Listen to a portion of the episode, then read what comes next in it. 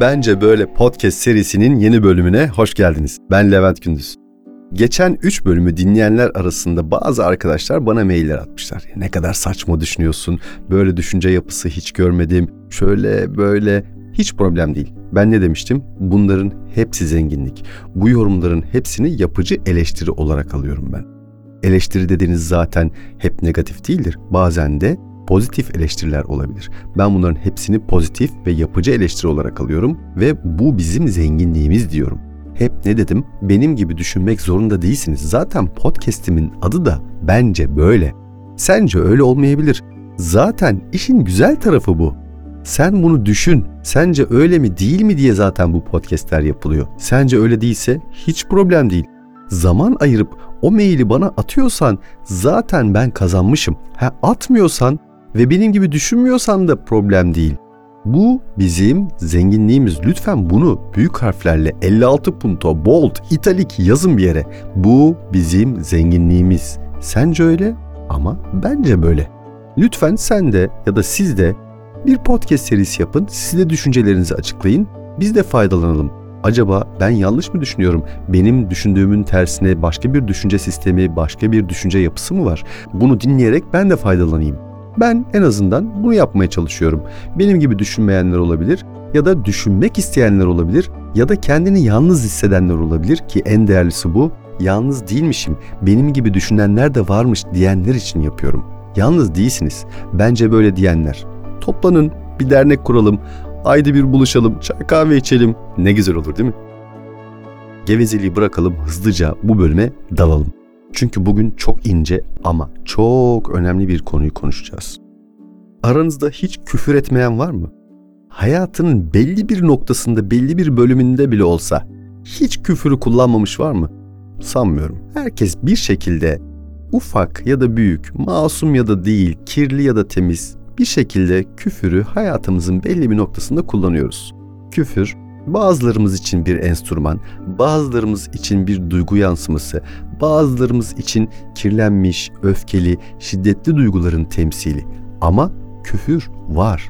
Ha içimizden, ha dışımızdan, ha masum, ha değil, ha beyaz, ha siyah. Ama var. Bunu inkar etmeyelim.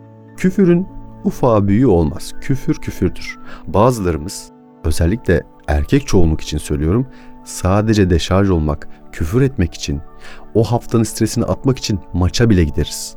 Çünkü orada küfür mübah sayılır. Bunu onaylamıyorum. Ama küfür hayatımızın bir gerçeği. Hele hele hele hele siyasi dilde bile kullanıldığını varsayarsak ki varsaymıyoruz bu bir gerçek, küfür hayatımızın tam göbeğinde. Şimdi gelelim küfürün derinliğine, küfürün hedefine, küfürün öznesine, küfürün hangi ağızdan çıktığına. Sonra başka bir tarafa bağlayacağım konuyu. En azından bağlamaya çalışacağım mesajı verebilirsem eğer. Küfürde öfkeyi, şiddeti, kirlenmişliği, erozyonu dışa vurmak için aracıya ihtiyaç duyarız. Bu aracı nedir? Kendinizdeki öfkeyi karşı tarafa aktarmak için kullanılan özne. Kimdir bu? Özellikle karşı taraf üzerinden karşı tarafın en değer verdiği kişilerdir. Annesi, karısı, çoluğu, çocuğu kim varsa ya da kendi şahsiyeti karşı tarafa en çok zarar verebilecek malzemedir o özne küfürde kullandığımız. Özellikle bizim coğrafyamızda Türkiye için söylüyorum en kutsal olan annedir ve ailedir. Anneye ve aileye edilen küfürler bazı bölgelerimizde cinayetle bile sonuçlanabilir. Allah korusun. Affı yoktur. Çünkü olay namusa girer. Geri dönüşü yoktur o ağızdan çıkanın artık. Öfke patlaması yaşatır bize. Olayların seyri değişir. Karşımızdakinin kim olduğu artık önemsizleşir. Çünkü bel altı vurmuştur. En değer verdiğimiz kutsala hakaret edilmiştir. Ve kendi yaptığımız hatadan daha da kirli bir şekilde hakaret edilmiştir. Kendi yaptığımız hata artık önemsizleşmiştir. Anne ve aile çok değerlidir. Orası dokunulmaz. Orası mahrem alandır. Dil uzatılmaz, göz dikilmez, lafı edilmez. Hele hele cinsel içerikli ne şakası yapılır ne de küfür edilir. Küfür edildiği zaman olayların seyri değişir. Çünkü işin içinde tırnak içinde namus vardır. Kadın namusu, kadının temizliği vardır. Hiç babaya ya da bir erkeğe küfür edildiğini duydunuz mu? Çünkü küfür eden taraf %90 erkek taraftır. Etken taraftır. Edilgen taraf genelde kadındır, dişidir. Yani işin içinde namus vardır. Namusa dil uzatılır. Dolayısıyla böyle baktığınız zaman bazı küfürlerin dönüşü yoktur. Söz ağızdan çıkmışsa eyvah eyvah eyvah. Karşı tarafın kim olduğuna artık bakılmaz. Peki tüm bu dillerin, tüm bu ağır küfürlerin etken tarafın erkek olduğunu varsayarsak, bu edilen küfürler bir kadının ağzına yakışır mı hiç? Zaten kadının ağzına hiçbir şekilde küfür yakışmaz. Hiçbir insanın ağzına yakışmaz. Erkek de olsa o ayrı. Ama küfür dilinin, o jargonun erkek dili olduğunu varsayarsak, bir kadının ağzına anneye küfür, kız kardeşe küfür, aileye küfür, üstelik erkek diliyle, erkek jargonuyla yakışır mı? Hem fikiriz değil mi? Yakışmaz. Bir kadının ağzından annene bilmem ne yapayım, bilmem nerenin bilmem neresine bilmem ne yapayım diye küfürler duyduğunuz zaman bir eret olmaz mısınız? Şöyle bir irkilmez misiniz? Bu nasıl bir dil demez misiniz?